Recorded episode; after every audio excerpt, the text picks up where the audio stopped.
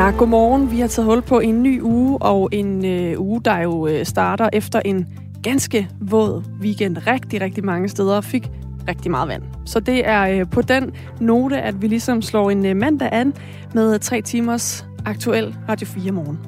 Som vi øh, også hørte i øh, nyhederne med Thomas Sand, så har øh, Christianitterne sagt ja til en aftale foreslået fra regeringen, nemlig ja til, at der bliver bygget almene boliger på fristaden. Det er en øh, nyhed, som vi kommer til at kigge nærmere på her til morgen. Noget af det, vi også kommer til at dykke ned i, det er debatten om, hvorvidt man bør ændre faget kristendomskundskab, og i stedet kalde det religionskundskab, når man altså går i grundskolen, altså for eksempel i folkeskolen. Det er noget, som Kommissionen for den glemte kvindekamp anbefaler. Konkret så lyder forslaget på, at man skal fjerne den mulighed, der i dag er for at blive fritaget for kristendomsundervisningen. Og så skal man i stedet ændre på fagets navn og også på indholdet, sådan så undervisningsmaterialet for eksempel i højere grad kommer til at vægte de andre religioner, der også er. Danmarks Lærerforening bakker op om det. Vi kommer til at tale med næstformand Dorte Lange lige lidt senere på morgen. En af bokseverdens allerstørste kæmper uden for ringen er død. Det er Måns Palle. Han var øh, både en fætteret og omdiskuteret figur i den danske sportsverden. Det var øh, Mogens Balle, Palle, der stod øh, bag de legendariske boksenavne som Mikkel Kessler, Brian Nielsen, Tom Box og Jimmy Bredal også. Men øh, Mogens Måns Palle, han endte altså også her sin karriere og sit liv med masser af brændte broer og bekendtskaber. Vi øh, tegner et portræt af Måns Palle her lidt senere. Klokken 20 minutter over 6 taler vi nemlig med Claus Elgaard, sportsvært her på øh, Radio 4. Han har fulgt Måns Palle gennem mange år. Frie Grønne, Veganerpartiet og Alternativet skal slå sig sammen for klimaets skyld. Så lyder det i hvert fald fra Alternativet, som lige nu frygter, at der kommer et stort stemmespil, hvis partierne ender med at stille op til et folketingsvalg separat hvorfor det her forslag kommer, og hvor afgørende det kan blive for udfaldet af det kommende folketingsvalg. Det kommer vi til at spørge vores politiske redaktør om klokken kvart i syv. Det er altså Radio 4 morgen. Husk, at vi også har øh, åben for sms'en. Du skal sende din sms til 1424, hvis du hører noget her til morgen, som du har et input til. Også meget gerne, hvis du hører noget, hvor du har et spørgsmål, vi skal sørge for at sende videre. Altså 1424 er sms'en. En mandag morgen på Radio 4. Godmorgen. Godmorgen. Starter et helt andet sted, fordi selvom det måske er svært at forestille sig lige nu, i en tid med lægemangel uden for universitetsbyerne, så kommer der langt flere læger de kommende år, og måske endda også flere, end vi rent faktisk har brug for. Sidste år der var der lige over 28.000 læger. Og frem mod 2030, der kommer der 6.448 flere læger. Det betyder, at antallet af læger stiger med cirka 20 procent. Og hvis den udvikling fortsætter frem mod 2045, så er vi faktisk et sted, hvor der vil komme ca. 17.000 flere læger, end der er i dag. Det viser en prognose fra Sundhedsstyrelsen. Og selvom det jo lyder godt med flere læger, så er det her også en dyr udvikling. Det mener i hvert fald du, Per Nikolaj Buk. Godmorgen. Godmorgen. Professor i økonomistyring på Aalborg Universitet. Hvad vil det koste, hvis vi uddanner alle de læger, som jeg lige skitserede tallene for her? Ja, altså der vil jo blive tale om nogle ret sådan grove vurderinger af det hele. Øh, det vi i hvert fald kan, kan se, det er, hvis vi øh, nøjes med at kigge frem til 2030 i første omgang, det er sådan inden for rækkevidde, øh, og man så får en 6-7.000 flere læger. Jamen hvis vi siger, at det rundt regnet koster en million kroner til løn og pension, øh, det kan godt være, at endnu mere, når vi snakker de praktiserende læger, men, men, men så giver det jo sådan set et tilsvarende 6-7 øh, milliarder kroner mere, altså alene til lægerne. Øh, og så er der jo alle de andre omkostninger i sundhedsvæsenet, der skal også flere sygeplejersker osv., så, videre. så, så det bliver en del penge. Vi kan også se på det på den måde, at det, det i hvert fald er mere end et par procents vækst om året i antal læger, og det er jo mere end øh, vi egentlig traditionelt set har lavet sundhedsvæsenet vokse, så det kommer til at tage en stor del af den samlede offentlige økonomi, hvis, øh, hvis, hvis vi skal følge med her. Hvor meget øh, vil det stige, den her omkostning, i forhold til det, vi normalt bruger på sundhedsvæsenet? Nu har vi jo de senere år faktisk øh, øget udgifterne til sundhedsvæsenet, så, øh, så, så, så, så vi er jo blevet vant til det, kan man sige. Men, men, men det er altså en, en, øh, en endnu større øh, forøgelse, der er, der er lagt op til. Øh, hvis vi går ind og ser på, hvad, hvad det her løft i sundhedsvæsenet på øh, måske et par procent om året øh, egentlig vil betyde i forhold til de samlede offentlige udgifter, så er det jo sådan, at man bruger cirka 600 milliarder i den offentlige sektor til øh, investeringer og, og drift. Det er jo et, et kæmpestort beløb. Øh, men hvis vi tager den her mulige sundhedsvækst alene i forhold til den, øh, til den samlede offentlige økonomi, så, så ligger den beslag, beslag på en, en halv procents øh, vækst om året. Øh, og det er jo spørgsmålet om, altså hvordan man vil prioritere, om der egentlig er råd til, at den offentlige sektor vokse mere end, øh, end en halv, øh, øh, måske en lille smule mere, i hvert fald ikke øh, 1 procent. Så, så en stor del af den mere aktivitet, vi får i den offentlige sektor, Øh, den har vi altså mulighed for egentlig at lade sundhedsvæsenet lægge beslag på. Og det presser jo så alle andre ønsker, der er til alt for grøn omstilling, til, til mere militær og bedre pædagognormering og måske endda bedre lønninger til, til nogle i sundhedsvæsenet. Det vil jo også æde noget øh, af det hele. Men vi hører jo netop også nogle gange om lægemangel, særligt uden for de store byer. Så er det ikke også bare en nødvendig udgift, når vi nu har en, øh, en lægemangel, at vi så også er nødt til at uddanne markant flere læger? Jo, altså hvis vi mangler læger, så, så er en rigtig god løsning på det jo, at vi, vi, vi uddanner flere læger. Øh, den her prognose, den øh, øh, afspejler jo en lang række initiativer, man har taget, øh, også år tilbage. Øh, vi skal jo huske, at øh, hvis man vil have flere... Øh, helt færdiguddannede læger, altså speciallæger, jamen så er der jo faktisk 20 års planlægningshorisont på det her. Altså fra man optager dem og går igennem fem års universitetsstudie eller mere, og man skal i gang med speciallægeuddannelsen og sådan noget, så, øh, så bliver lægerne faktisk øh, øh, hen, ved, øh, altså, ja, hen ved 40 år, inden, inden de er klar. Så, øh, så det her det er summen af, at man har optaget flere studerende, man har optaget studerende flere steder i landet, øh, og så har man også taget højde for, øh, hvor mange udenlandske studerende der er, øh, og der er lidt færre, som, som øh, de, de rejser tit hjem igen, øh, og dermed ikke til rådighed, og også hvor mange vi kan få øh, fra andre lande, altså der er uddannet i andre lande. Og alt det her, det summer op til, at vi får langt flere læger. Og det er en god nyhed, fordi at... Øh, hvis nu lægerne de helst vil arbejde inde i de store byer, hvor de er, hvor de er uddannet, jamen så er det jo ude i øh, øh mere yderområder, vi får, vi får lægemangel. Så jo flere du uddanner, jo mere, jo mere får vi jo mulighed for at få lærerne ud i de her områder. Og det er jo ikke kun geografisk, vi har en problemstilling. Det er også inden for specialerne. Nogle af de specialer, som faktisk vil være i vækst herunder, ikke mindst øh, psykiatri. Øh, det er jo det, at man har, har svært ved egentlig at finde læger, der går ind i de her speciallægeuddannelser, og dermed heller ikke øh, bliver, bliver til rådighed for, øh, for behandlinger. Altså det vil det jo også hjælpe på det her. Så, så det er jo nogle nødvendige træk, man har taget, hvis, hvis vi skal imødekomme den efterspørgsel, der til synligheden er efter sundhed. I Sundhedsstyrelsens lægeprognose, der kan man også læse, at Danmark er blandt landene i OECD. Det er en samling af sådan rige demokratier. Der er Danmark altså blandt de lande, der uddanner flest læger målt per indbygger. Øh, I 2019 der var OECD gennemsnittet 13,2 per 100.000 indbyggere mod 18,9 i Danmark, så altså et stykke over gennemsnittet, og også mere end i Norge og Sverige og Tyskland, som jo er nogle lande, vi også tit sammenligner os med. Og det kommer også til at stige yderligere ifølge den her prognose, som Sundhedsstyrelsen altså har offentliggjort. Der er jo også mangel på sygeplejersker, Per Nikolaj Buk, og det er jo også et erklæret mål for regeringen, at man vil ansætte 1000 flere sygeplejersker. Hvis man skal ansætte alle de læger, som prognosen viser kommer, har man så også råd til at ansætte flere sygeplejersker? Det bliver man jo nødt, det bliver man jo nødt til at have. Øh, og, øh, og når jeg laver den her vurdering af, at, øh, at der egentlig er mulighed for at vækste sundhedsvæsenet med, med, en, med det, der svarer til en halv procent af de samlede offentlige udgifter, så er der også regnet herind i, at, øh, at vi skal øge antallet af sygeplejersker. Øh, det giver jo ikke nogen mening, at vi bare ansætter flere læger, øh, hvis ikke også vi, vi øger resten af kapaciteten tilsvarende. Altså det er jo også et spørgsmål omkring, at hvis vi skal have flere læger, fordi vi har flere behandlinger, jamen så får vi jo alt andet lige for øh, lige brug for alt andet lige brug for mere, øh, det man kalder medicinsk teknologi, altså flere scanner, og vi får også brug for flere stuer, de kan øh, være indlagt i, øh, eller i hvert fald komme til ambulant behandling i, og selvfølgelig også flere sygeplejersker. Vi skal jo ikke bare uddanne læger til at, øh, at lave sygeplejerskernes øh, arbejde, for det, det, det er de jo heller ikke uddannet til. Sygeplejersker er jo også højt specialiseret arbejdskraft, øh, så, så vi er nødt til at lade det hele følge med i, i, øh, i passende andel. Men er der råd? Altså nu ved jeg godt, du siger, at det er der nødt til at være, men det vil vel også kræve nogle prioriteringer? Ja, det, øh, det gør det i høj grad, og, øh, og der ved vi jo ikke, hvordan man fremtidig vil øh, prioritere sundhedsvæsenet. nogle gange så snakker man om den her sådan lidt øh, mystiske størrelse, som man kalder det demografiske træk.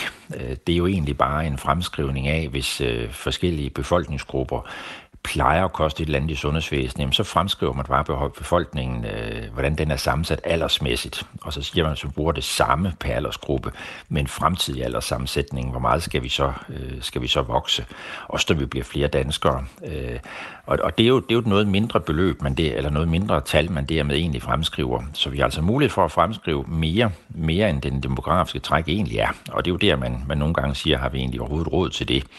Så, øh, så, så, så, så der skal ligesom to ting til, hvis vi som samfund skal have det her ting sammen. Den ene, det er, at vi skal være villige til at prioritere vækst i flere medarbejdere i sundhedsvæsenet på bekostning af andre ting i den offentlige sektor. Så der skal man ligesom løse et nye behov ved omprioriteringer i den resterende del af den offentlige sektor, altså i hvert fald langt hen ad vejen. Øh, og så skal vi altså også, øh, øh, og, så, og så den anden ting, der kan løse det, det var jo, hvis vi i det hele taget fik lidt større øh, vækst i samfundet, øh, den produktivitetsvækst, der er i samfundet.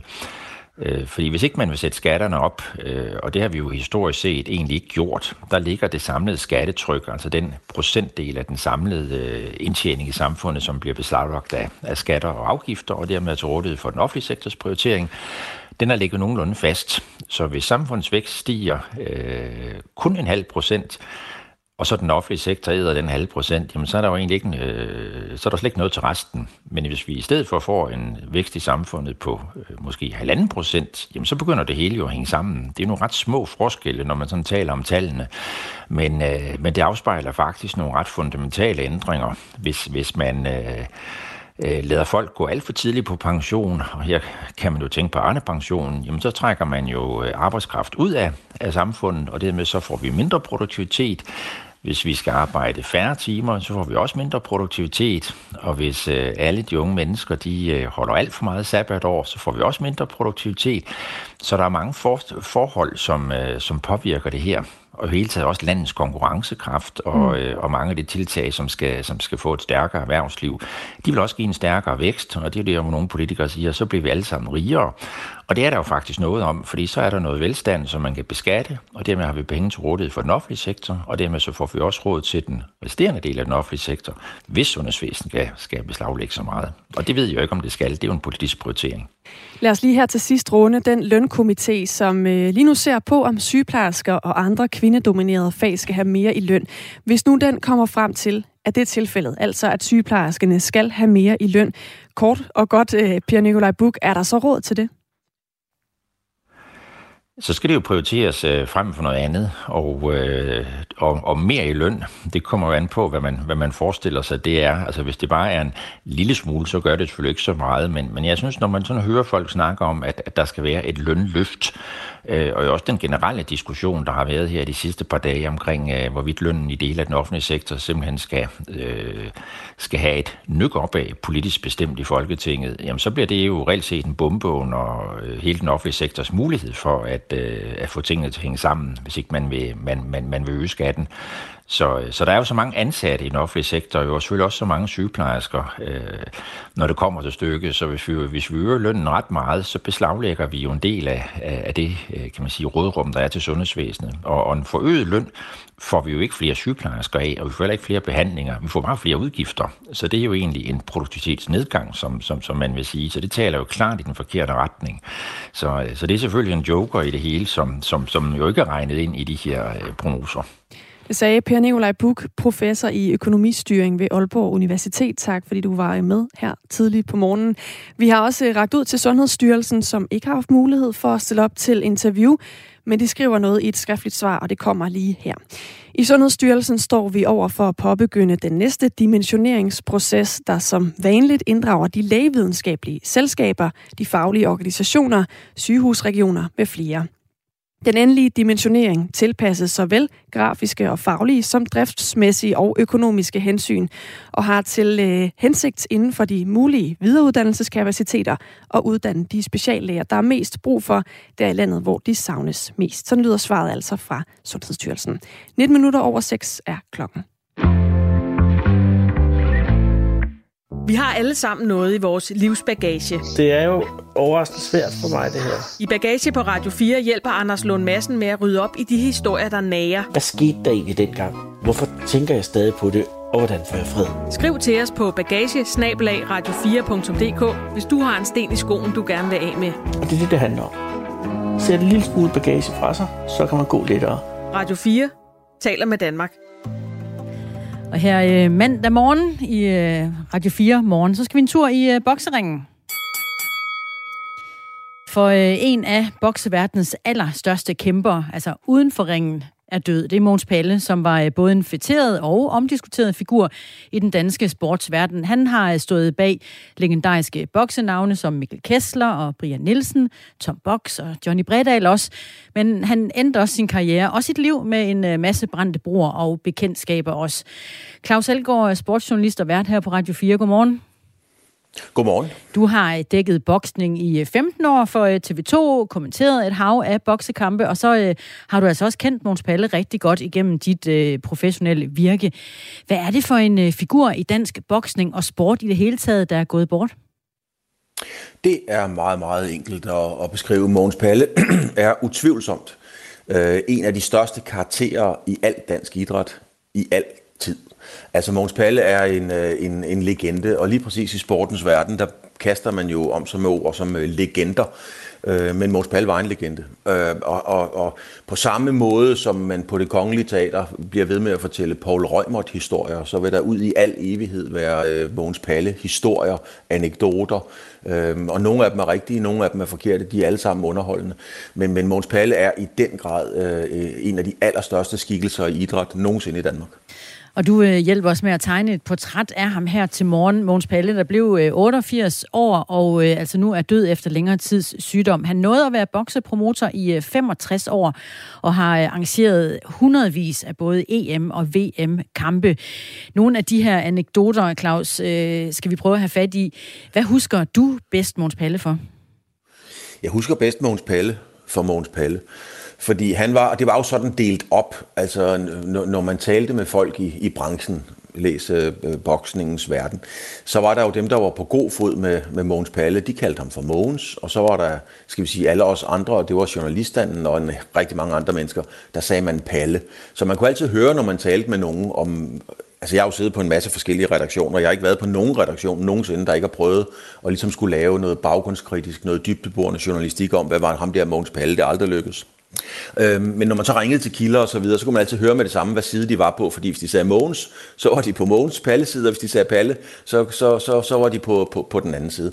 Altså, så han var, en, han var en meget splittet person, han var en meget sky person. Øh, Mogens Palle så altid, øh, og jeg har været med til altså 100 stævner øh, hans. Øh, han så altid sine kampe fra, øh, fra omklædningsrummet. Noget af det første, når vi for eksempel sendte hans stævner på TV2 eller i andre sammenhæng, det første han skulle have, det var en linje ud til omklædningsrummet, så sad han derude og så kampen på en skærm.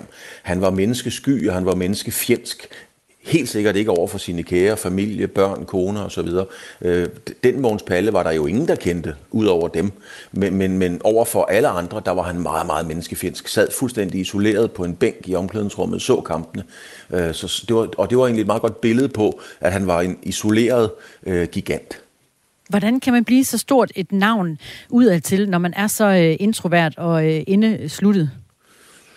Det er et rigtig, rigtig godt spørgsmål, men man kan sige, at, at øh, man, og man kan sige meget om Måns Palle, og det gør man i den grad også. Men han kunne sit kram, han kunne sin métier. Han var, altså Måns Palle var ganske enkelt dygtig. Man kan sige, vi kender det jo lidt sådan med billedet fra den musikalske klovn i, i, i cirkus. Øh, præmissen for, at, at klovnen er sjov, når han får lavkage i hovedet, det er, at han også, eller hun i den tid, kan spille på trompet, eller hvad man nu skal spille på. Det er præmissen for, at det er sjovt. Og præmissen for, at Måns Palle blev så stor, det var jo, at han kunne sin métier. For hvis han ikke havde kunnet sin métier så godt, som han kunne, så havde han jo været en ynkelig og en patetisk person altså helt øh, objektivt bedømt set udefra, men han kunne sin métier, og derfor var han bare fantastisk. Og han brugte det jo også. Man skal jo ikke, man skal jo ikke tro, at Måns Palle ikke var bevidst om sit eget brand. Måns Palle var jo langt, langt større end sporten i mange, mange år så fik han de store bokser og de store kampe, øh, og, og så blev sporten stor, men i mange, mange år, der var Måns Palle større end sporten, øh, og, og på den måde var med til at profilere sporten. Han var dygtig, han var jerndygtig, han var jo det, der hed matchmaker. Altså en matchmaker, det er jo sådan en, der, der finder modstandere, og han var genial til at finde bokser på de rigtige tidspunkter, altså på de tidspunkter, hvor de ikke kunne vinde over det danske øhm, det danske håb. Han fandt jo navne som øh, Tony Tops, James Bone Crusher Smith, tidligere verdensmester, som fik Brian Nielsen på de rigtige tidspunkter.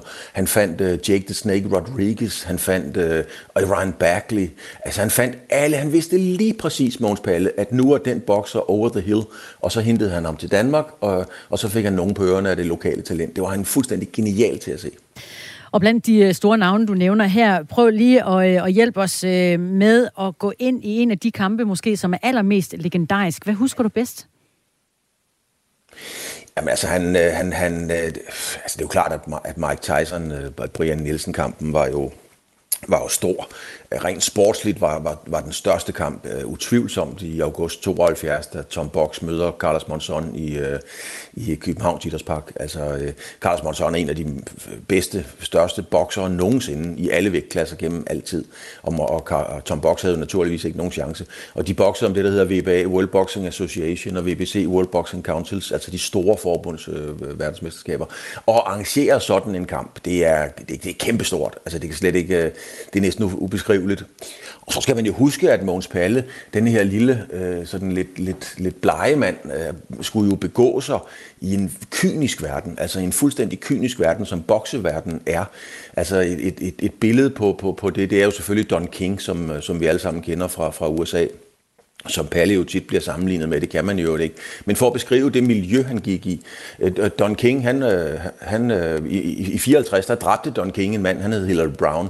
Hillary Brown forsøgte at røve en spillebule, som Don King havde. Øhm, han, ham slog han ihjel. Og i 66, der sparkede Don King en mand til døde efter et skænderi, der fik han så fem års fængsel for. Og selvom Don King gjorde det, så blev han jo inviteret i det hvide hus stort set af samtlige præsidenter. Og det var den verden, det var den verden, som Mogens Palle, lille Palle øh, fra Danmark skulle begå sig i. Fordi alle boksepromoterne på det niveau rundt omkring i England, Tyskland, Frankrig, Holland, Mexico, alle steder, det var nogle, og er nogle vanvittige karakterer. Og der formåede Måns Palle altså at begå sig, og Måns Palle er jo langt, langt mere respekteret i, øh, i udlandet, end han nogensinde har været, eller nogensinde bliver i Danmark. Det er Claus Elgaard, der er med os her til morgen, sportsjournalist og vært på øh, Radio 4, og hjælper os med at tegne et portræt af afdøde Måns Palle, som jo er øh, endt i øh, boksningens Hall of Fame, altså både den danske og den internationale. Hvorfor nåede han helt dertil? Jamen det gjorde han jo, fordi at, at, at øh, altså, de kampe, han lavede, var, var, jo, var jo, mange af dem var jo fantastiske. Altså, det, det var jo ikke koncert med Knacks og TV2 og, og Lis Sørensen. Ja, stor respekt for de kunstnere. Det var jo koncerter, det var YouTube, Beatles, øh, Bob Dylan, øh, Rolling Stones, hvis man laver den sammenligning. Han lavede jo de største, største kampe. Øh, ikke bare i Danmark, men, men, men han tager Kalule til, til USA og møder Sugar Ray Leonard. Jeg havde selv fornøjelsen af at være sammen med Sugar Ray Leonard på, på San Marcos Resort i Phoenix, Arizona, inden han skulle bokse med, med Hector Camacho. Og der snakkede vi om det. Jeg var i audiens, jeg spiste med ham, jeg løb skulle med Sugar Ray Leonard. Øh, og der fortalte han, at, at, at, at Palle og, og Kalule, det, det var den bedste bokser, han nogensinde havde mødt. Øh, og, og alle ville have fat i Sugar Ray Leonard på det tidspunkt. Men så. Måns Palle fik det, og det er, det er bare fuldstændig fantastisk at være i den, i den liga. Men der var jo også den øh, kontroversielle side af ham, blandt andet også øh, et øh, samarbejde, der gik i vasken med Mikkel Kessler. Hvad står tilbage, Claus Elgaard? Altså, hvilket eftermæle vil han få, Måns Palle? Øh, ja, Måns Palle vil, vil få det eftermæle, at, øh, at altså i, i, i branchen, blandt folk, der interesserer sig for boksning og ved noget om boksning, der vil han få det eftermæle, at han var fuldstændig unik, fantastisk dygtig til sit arbejde. Han vil også få det eftermæle, at han øh, langt hen ad vejen var, og det er lidt en kliché, han var det, man kalder sin egen største fjende. Mogens Palle var, var, var, var øh, bitter over, at han ikke fik den accept, som, øh, som han mente, han øh, var berettiget til at få. Jeg lavede et interview med Kurt Thybo, som jo var en stor legende i boksningen også, øh, og, og, og det var ganske få måneder, Kurt Thybo døde. Og selv der, hvor Kurt var meget svækket, der var vi nødt til at bruge noget tid på at snakke med Mogens Palle. Og det gør man bare. Altså, og, og han sagde med det samme, og Kurt grinede og sagde, huha, vi skal ikke lige ringe til Palle, fordi så får vi slet ikke tid til at lave interview. Det tog altid to timer at lave interview med ham. Han, han vil få et eftermæle som, som, som en, øh, en, en lidt sur mand, der, eller en lidt skuffet mand, der ikke var, var øh, der ikke fik det, han skulle have. Han sagde ligesom, øh, den, hvad skal man sige, den gamle diktator, romerske diktator Sulas, altså lad, lad dem have, når blot de frygter. Det er var fuldstændig Claus Elgaard. med, hvad man synes om ham. Tak for det, Claus Elgaard, sportsjournalist og vært på Radio 4 for dit uh, portræt af Mogens Palle. Nu skal vi have en omgang nyheder med Thomas Sand klokken er halv syv.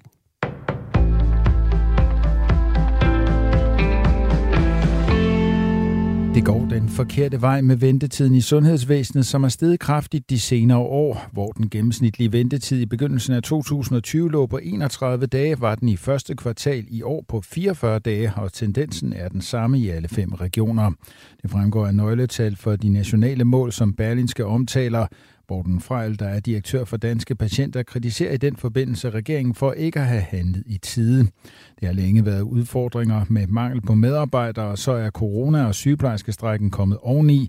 Det betyder, at vi nu står i en situation, som er virkelig alvorlig for patienterne, siger han til avisen ifølge formanden for Danske Regioners Sundhedsudvalg, Karin Friis Bak, er mangel på medarbejdere den helt store udfordring i kampen for at få ventetiderne bragt ned. Byggebranchen mærker tydeligt, at prisen på byggematerialer og finansiering af byggerier er gået kraftigt i vejret i år, det skriver Jyllandsposten, som har talt med en række arkitektfirmaer. Arkitektfirmaerne har ikke nær så travlt i år, som de havde sidste år. Det gælder blandt andet rådgivningsvirksomheden Byggeri og Teknik i Herning. Vi er jo de første, der mærker, når det begynder at gå nedad, og når folk starter med tankerne om et byggeri, så starter de hos arkitekterne, og der må vi bare sige, at 2022 har været en sand katastrofe for os, lyder det.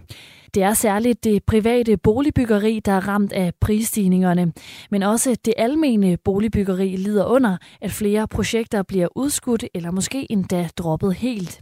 En trøst kan dog være, at efterspørgselen på den måde er faldet til et mere normalt niveau. Det siger Lars Autrup, der er direktør i Arkitektforeningen. Vi kommer fra et overophedet punkt, hvor folk har haft for meget at lave. Den første lille opbremsning vil også bare betyde, at man får vejret. Men mit vigtigste budskab er, at der ikke er nogen, der ved noget endnu, siger han til Jyllandsposten. Og det fortalte Sofie Levering. Det er problematisk, at krigsforbrydere kun kan retsforfølges efter almindelige paragrafer i straffeloven. Derfor anbefaler Institut for Menneskerettigheder en særskilt bestemmelse, det skriver information. Hvis en soldat begår krigsforbrydelser og flygter til Danmark, kan soldaten ikke retsforfølges for netop det i det danske retssystem. Det betyder, at krigsforbrydere i stedet bliver straffet for almindelige lovovertrædelser som vold, overgreb og mor. I stedet bør der være en særskilt bestemmelse i dansk lov, og netop det anbefaler Institut for Menneskerettigheder Justitsministeriet. Det er vigtigt, fordi der kan være enkelte ting, som er svære at straffe efter dansk lov, det siger Peter Vedel Kessing, der er seniorforsker ved instituttet. Og så er der en vigtig signalværdi i, at vi straffer det for, hvad det er, meget, meget grove internationale forbrydelser, siger han. Derudover er Danmark næsten det eneste land i Europa, som ikke har krigsforbrydelser i sin straffelov, siger han til Information. For nylig opfordrede justitsminister Mathias Tesfaye ukrainske flygtninge, der har været ofre for eller vidner til krigsforbrydelser i Ukraine til at rette henvendelse til politiet. Indtil videre har politiet ifølge ministeriet registreret to sager, der begge er blevet videresendt til Europol. EU's medlemslande lægger an til at suspendere en aftale med Rusland, der siden 2007 har gjort det lettere for russere at få visum til at rejse ind i et EU-land, det skriver Financial Times. Avisen har talt med tre embedsmænd, som deltager i forhandlingerne. De oplyser, at EU's udenrigsminister vil nikke ja til at suspendere aftalen, når de mødes i morgen og i overmorgen i Prag.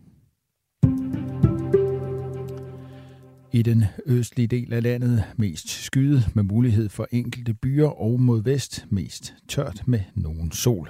Vi får temperaturer op mellem 17 og 23 grader.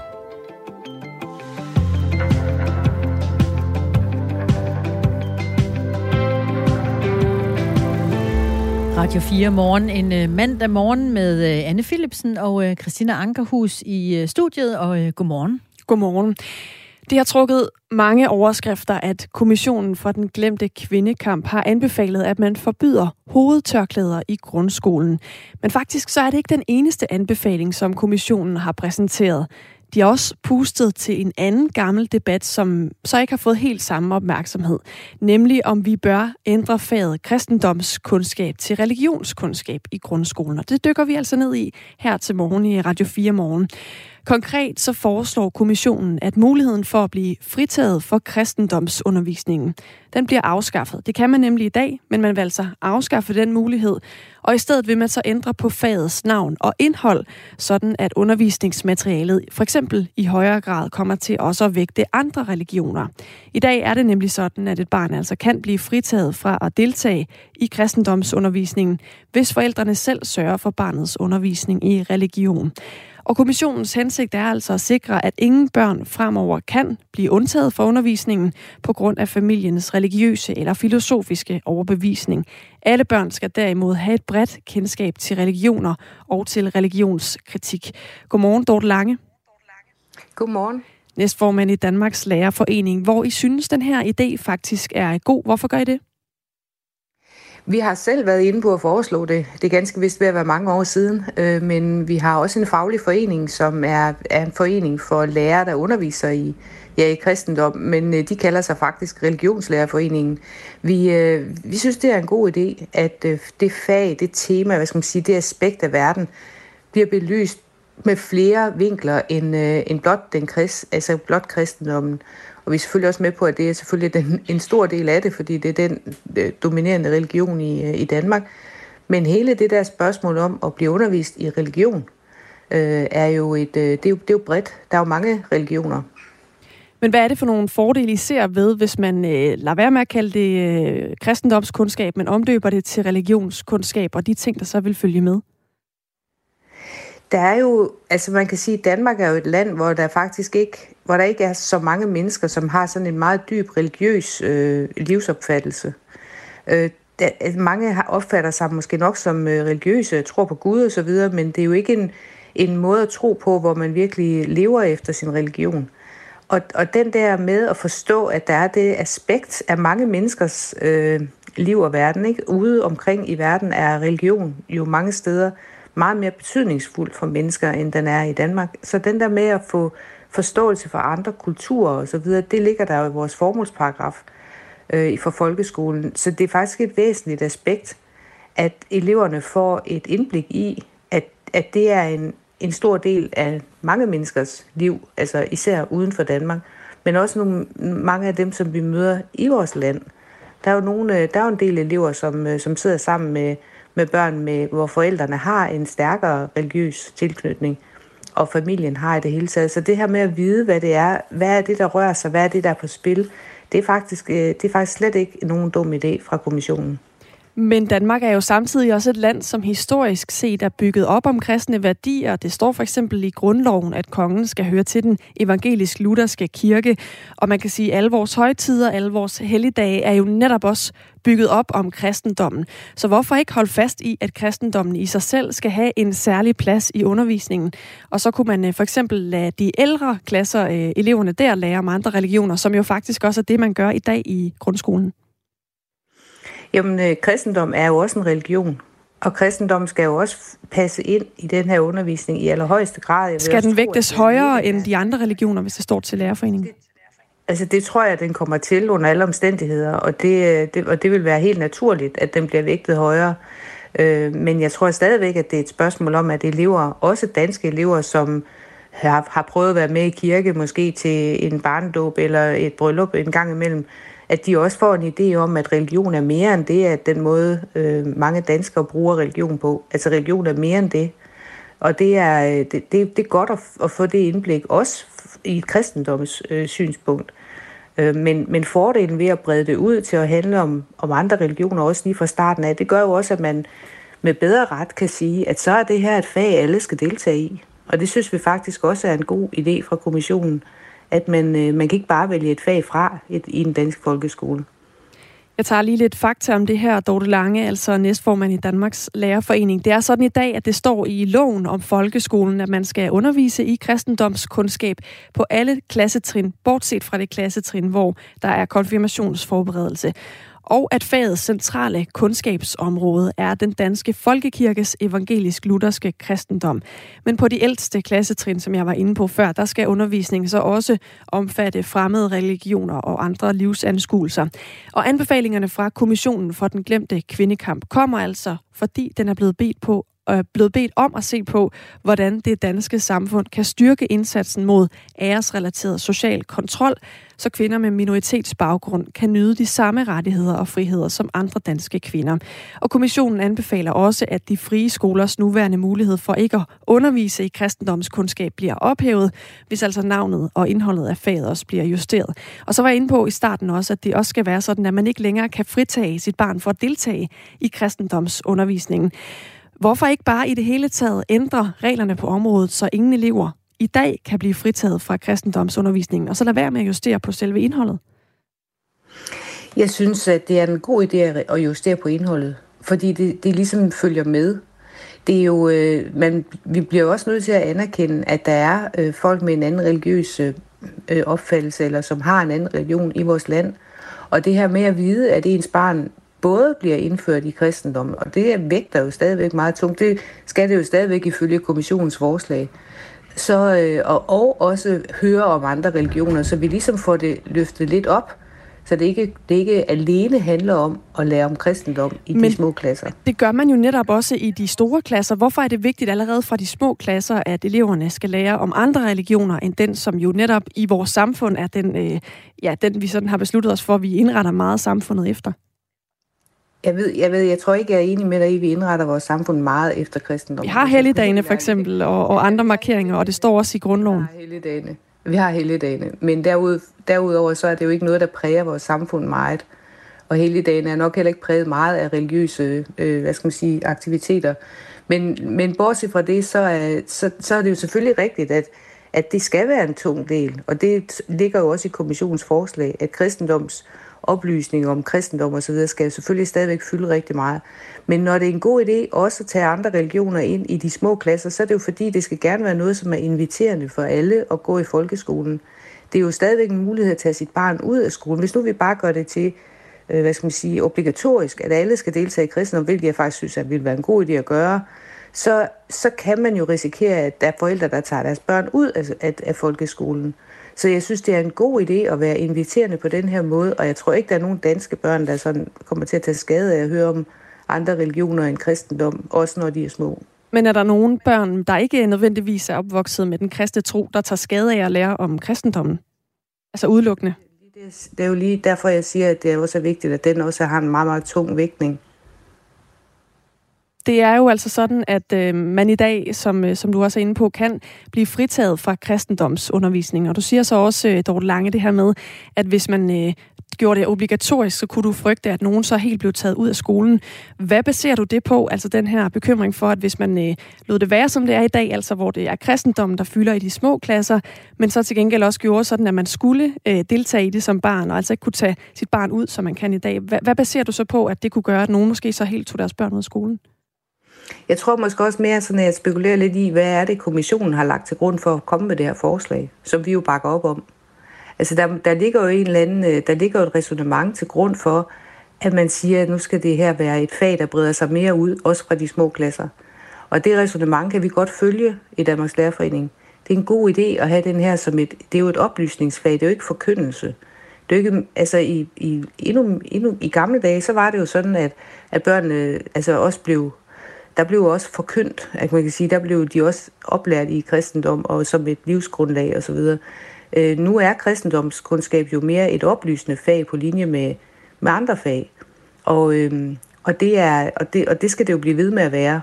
Så derfor så er det her med at tage andre religioner ind er en rigtig, en rigtig god idé. Det spiller rigtig fint op mod folkeskolens formålsparagraf. Og det, øh, så, så det, er, det bakker vi op om, det kommissionen kommer med lød det altså fra Dorte Lange, næstformand i Danmarks Lærerforening. Og øh, omkring klokken halv ni her til morgen, der øh, tager vi den her debat videre. Det gør vi med nye borgerliges undervisningsoverfører Mette Thiesen, og også med enhedslistens kirkeoverfører Christian Juhl. Og kan vide, hvad de tænker, som det hele handler om, børn og forældre. Vi har sms'en åben. Nummeret er 1424. Øh, Lad os endelig høre fra dig her til morgen, om, øh, om du har en holdning til øh, forslaget her. øh, som vi hører om 1424. Mariam har faktisk skrevet ind lige netop med øh, det, og har spurgt os øh, herinde, er helligdagene ikke mere med tradition at gøre end det religiøse? Husk på, at Danmark er den næstmindst troende i Europa. Det er i hvert fald Mariams tolkning af den her øh, sag, og du må altså også meget gerne komme med din tolkning på sms'en 1424. I eftermiddag kl. 14.33 dut letter verdens hidtil kraftigste raket fra øh, Kennedy Space Center og øh, sender en kapsel afsted med kurs mod månen. Det er øh, missionen ved navn Artemis 1, og opsendelsen i dag er første skridt i en kæmpestor plan om igen at sende mennesker til månen, som vi i øvrigt senest betrådte i 1972. Thomas Schumann, vært på øh, vores rumprogram, Den Nye Rumalder, har talt med en af lederne bag NASA's Artemis-program, Mark Kirasik. Artemis 1 is our very first flight of the Space Launch System, which is the world's most powerful rocket, and the very first lunar orbital flight of the Orion spacecraft, which is designed to take people back to the moon. So this is the first test flight, and this is the kickoff of our new Artemis program, which are going to take people further into space for longer durations than we've ever been before. Raketten, der bliver sendt sted i dag, er øh, altså første skridt i planen om at sende mennesker til månen igen. Det er en ubemandet mission den her gang, der bliver sendt afsted i kredsløb omkring månen. Og så øh, kommer den til at vende tilbage til jorden igen. Og hele målet med det er, at man får testet udstyr til øh, de kommende Artemis-missioner, der skal være bemandet og altså alt sammen med hensigt på at få mennesker til månen igen. Måske omkring 2025. Rumskibet, der så øh, bliver sendt til månen i dag i en rumkapsel, hedder Orion, og den har et øh, vigtigt europæisk modul med ombord, fortæller Mark Kirasik fra NASA. I was the Orion program manager for a number of years, so Orion has a special place in my heart. Uh, the very first time we fire the Orion engines to, to to cor- correct our trajectory on the way to the moon will be very special. And by the way, that that maneuver will be performed by the what we call the European Service Module or the ESA Service Module. It was a contribution from ESA that's part of the Orion spacecraft. Mm, det fortæller Mark Kirasik, en af lederne bag Artemis 1, som øh, vores kollega Thomas Schumann har øh, talt med. Og så i øvrigt, så kan jeg jo lige øh, supplere med, at øh, Artemis, det øh, navn stammer fra den græske mytologi, hvor Artemis er gudinde for månen og mm. tvillingesøster til Apollon også. Og der er der også en klar reference til de tidligere Apollo-missioner til månen. Og så rent faktisk også skal man bide mærke i, at det er et kvindeligt navn, og det er fordi NASA har øh, planer om, at når de øh, når dertil at sende de næste mennesker til månen, så skal der være en kvinde med ombord. Det er da spækket med symbolik, det navn. Det må man sige. Hold da op. Nå, mm. således oplyst her klokken 6.47 øh, denne mandag morgen. Det er Radio 4 Morgen, du lytter til. Alternativet vil gerne have, at partiet Fri Grønne og Veganerpartiet slutter sig til dem inden det kommende folketingsvalg. Folketingsmedlem for Alternativet, Torsten Geil, mener nemlig, at der er brug for, at partierne finder fælles fodslag. Det er fordi, vi gerne vil øh, sørge for, at Danmark får et stort, stærkt, grønt parti til at holde øh, ja, det, vi kan kalde regeringen og støttepartierne lidt i ørerne og, øh, og, og genfinde de grønne ambitioner for klimaet. Og det øh, fortalte Thorsten Geil til øh, Radio 4 i fredags, hvor han også fortalte, at det øh, jo handler om for de her små grønne partier at øh, kunne tale sammen med en stærk fælles grøn stemme. Hver især har de tre partier ifølge meningsmålinger svært ved at komme i Folketinget ved et kommende valg. Altså de tre partier, vi taler om, Alternativet, der blev stiftet af det tidligere radikale folketingsmedlem og kulturminister Uffe Elbæk i 2013. Så er det Frie Grønne, der blev stiftet af Sikan Sandar Siddiq og Uffe Elbæk og Nico Grønfeldt i øh, 2020. Og så er det Veganerpartiet, som har som sine mærkesager dyrerettigheder og miljø og klima. De blev dannet i øh, 2018. Det er de tre, som øh, Alternativet håber kunne finde fælles fodslag. Thomas Larsen, politisk redaktør på Radio 4. Hvorfor er det Alternativet så virkelig gerne vil have de her grønne partier til at slå sig sammen? Den forklaring, de især lægger vægt på ud og til, den handler om, at det er utrolig vigtigt, at der kommer endnu mere tempo på den grønne omstilling, og at de så også sammen kan tale netop med en stærk, stem, grøn, øh, øh, øh, stærk øh, grøn stemme, som de formulerer det. Øhm, så det er i virkeligheden et spørgsmål om, at de meget gerne vil løfte den grønne dagsorden endnu mere, og så også lægge pres på, på regeringen, på regeringens støttepartier og i virkeligheden hele Folketinget. Men det er klart, man bliver også nødt til at sige, når man ser på de tre partiers situation, at de jo selvfølgelig selvfølgelig også står med ryggen mod muren. De er ekstremt presset i meningsmålingerne alle sammen, øh, fordi de ligger altså hver for sig øh, et pænt stykke fra spærregrænsen. Og derfor så er der netop den her chance, som de håber på, at hvis de går sammen øh, og, og laver et parti, ja, så vil de måske lige præcis have chancen for at komme op over spærregrænsen. Og det kan få altså ret store konsekvenser, øh, ikke mindst for, for dem selv, fordi det vil jo betyde, at de kan være repræsenteret i, i Folketinget Folketinget efter øh, valget, men det vil faktisk også kunne have den betydning, at, øh, at dermed så vil de undgå stemmespil, øh, og det vil også være noget, der kunne gavne hele Rød Blok, det vil altså sige øh, Socialdemokratiet, øh, Enhedslisten og SF, og det vil gøre deres øh, chancer øh, større for at holde fast i, øh, i, i regeringsmagten, sådan så den kommer til at være med udgangspunkt i, i venstre side af Folketingssalen. Invitationen og forslaget fra Alternativet kommer efter, at flere grønne organisationer og bevægelser i øh, avisen Information har foreslået netop det her, at de grønne partier står sig sammen til en fælles stærk stemme. Og det øh, har øh, betydet, at Franziska Rosenkilde, der er Alternativets politiske leder, og Thorsten Torsten Geil, det eneste folketingsmedlem, som Alternativet har i øjeblikket, byder alle medlemmer og kandidater fra de to partier velkommen til et gratis medlemskab endda, og mulighed for at stille op til valg på lige fod med Alternativs nuværende medlemmer. Men umiddelbart så har øh, Frie Grønnes partileder Sikandar Siddiq afvist invitationen, og det er ret øh, tydeligt, at han gør det. Han siger, at vi bliver en del af Alternativet er ikke aktuelt, og det skyldes den politik, de fører. Og netop de såkaldte grønne aftaler, de er med i, de er under vores ambitionsniveau, for vi vil øh, kompromis, kom, kompromilløst grøn handling, lyder det fra ham. Thomas Larsen, politisk redaktør her på øh, Radio 4. Hvorfor er han så konsekvent afvisende? Ja, det er hun unægtelig. Altså, jeg tror, at forklaringen er, at øh, i, øh, i øh, Frie Grønne, der vil man altså netop stå på den her helt kompromilløse øh, linje, øh, hvor man ligesom vil, vil have det hele, og ikke er særlig indstillet på at gå ind og file på tingene og prøve at, at så opnå resultater gennem øh, de kompromiser, som man laver på, på Christiansborg. Og det er så derfor, at han hælder øh, Alternativets tilbud ned af, af brættet. Men så tror jeg også, at det hører med til historien, at øh, der jo på mange måder også altså, har været virkelig øh, ondt blod mellem Alternativet og Fri Grønne, fordi vi skal jo lige huske på, at øh, Fri Grønne de øh, blev en realitet. Øh, det var et parti, der blev stiftet efter, at en gruppe udbrydere forlod øh, Alternativet, og det gjorde de jo altså efter et forløb, hvor øh, de havde kæmpet voldsomt øh, internt, og hvor partiet havde været fuld af uro, og øh, slåskampe og intriger, og derfor så taler vi også om nogle øh, mennesker, der måske heller ikke har den allerstørste øh, tillid til hinanden her. Og så er det jo, øh, det er jo tre grønne partier. Det er tre små grønne partier. Vil de overhovedet kunne finde et eller andet form for øh, fælles fodslag, som Alternativet håber på? Ja, det kommer jo an på, hvor hårdt man vil stå på sine mærkesager, og hvor radikalt og kompromilløst altså man vil gå til, til værks. Men man må sige, hvis man umiddelbart ser på det, så er de jo fælles altså om den grønne øh, dagsorden, og øh, de er også øh, fælles om at vil gå videre end, end flere af de øh, øvrige partier på, i, i Folketinget. Altså derfor så kunne det jo give, øh, give mening, og man må også sige, altså, altså hvis de rent faktisk kunne finde sammen, så vil deres chance for også at blive valgt ind i Folketinget altså stige øh, ganske øh, enormt. Det er også den vurdering, der kommer fra valgforskere.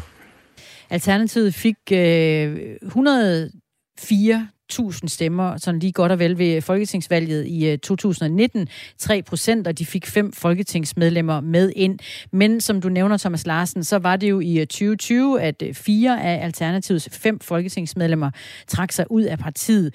Uffe Elbæk, Rasmus Nordqvist, Sikandar Siddiq og Susanne Simmer, og de har så i dag tre medlemmer i Folketinget. Det, at, at man nu byder velkommen i Alternativet til et parti, der faktisk har flere folketingsmedlemmer. Hvad fortæller det ligesom om situationen i blandt de små grønne partier? Det fortæller, at de virkelig er bekymrede for, at ingen af dem klarer det øh, hver for sig. Og det er der altså også øh, god grund til at være, hvis man netop ser på, på, på målingerne, fordi der skal altså et mirakel til, hvis de skal kunne klare den øh, hver for sig. Og som bekendt, så øh, gælder mirakler i reglen heller ikke i, i, i politik. Så jeg tror, at deres overlevelse, den ligger virkelig i, at de, øh, de finder sammen. Men det er altså også her i, i 11. og 12. time, vi, vi, vi taler øh, sammen. Øh, så derfor så skal de jo rykke meget, meget hurtigt, hvis det her skal lykkes, først lykkes. For alt det tyder på, at der jo kommer et øh, folketingsvalg altså meget snart. Og så skal jeg lige øh, tilføje, at øh, det vi i dag kalder Veganerpartiet, de øh, valgte i begyndelsen af august at fusionere med det lille grønne parti, De Grønne, og sammen er de blevet til Grøn Alliance, så, så rettelig Grøn Alliance her. Men hvis nu de ikke slår sig sammen, Thomas Larsen, bliver der så reelt tale om stemmespil, tænker du? Ja, det gør der, øh, og det kan jo så være et øh, stemmespil, der i yderste konsekvens kan få ret store øh, følger, øh, fordi det er et meget, meget komplekst valg, vi går ind i. Det kan også være, at marginalerne vil være ganske, ganske små på, på valgnatten, og det vil sige, at hvis Mette Frederiksen skal forblive i statsministeriet, hvis Rød Blok skal kunne holde fast i regeringsmagten og indflydelse, ja, så får de altså brug for alle stemmer helt ned til de mindste promiller, og derfor kan det komme til at koste ekstremt dyrt, hvis øh, de her tre små partier ikke klarer spærregrænsen. Og alle stemmer tæller lige nu, tænker jeg, at Rød Blok øh, sidder og tænker.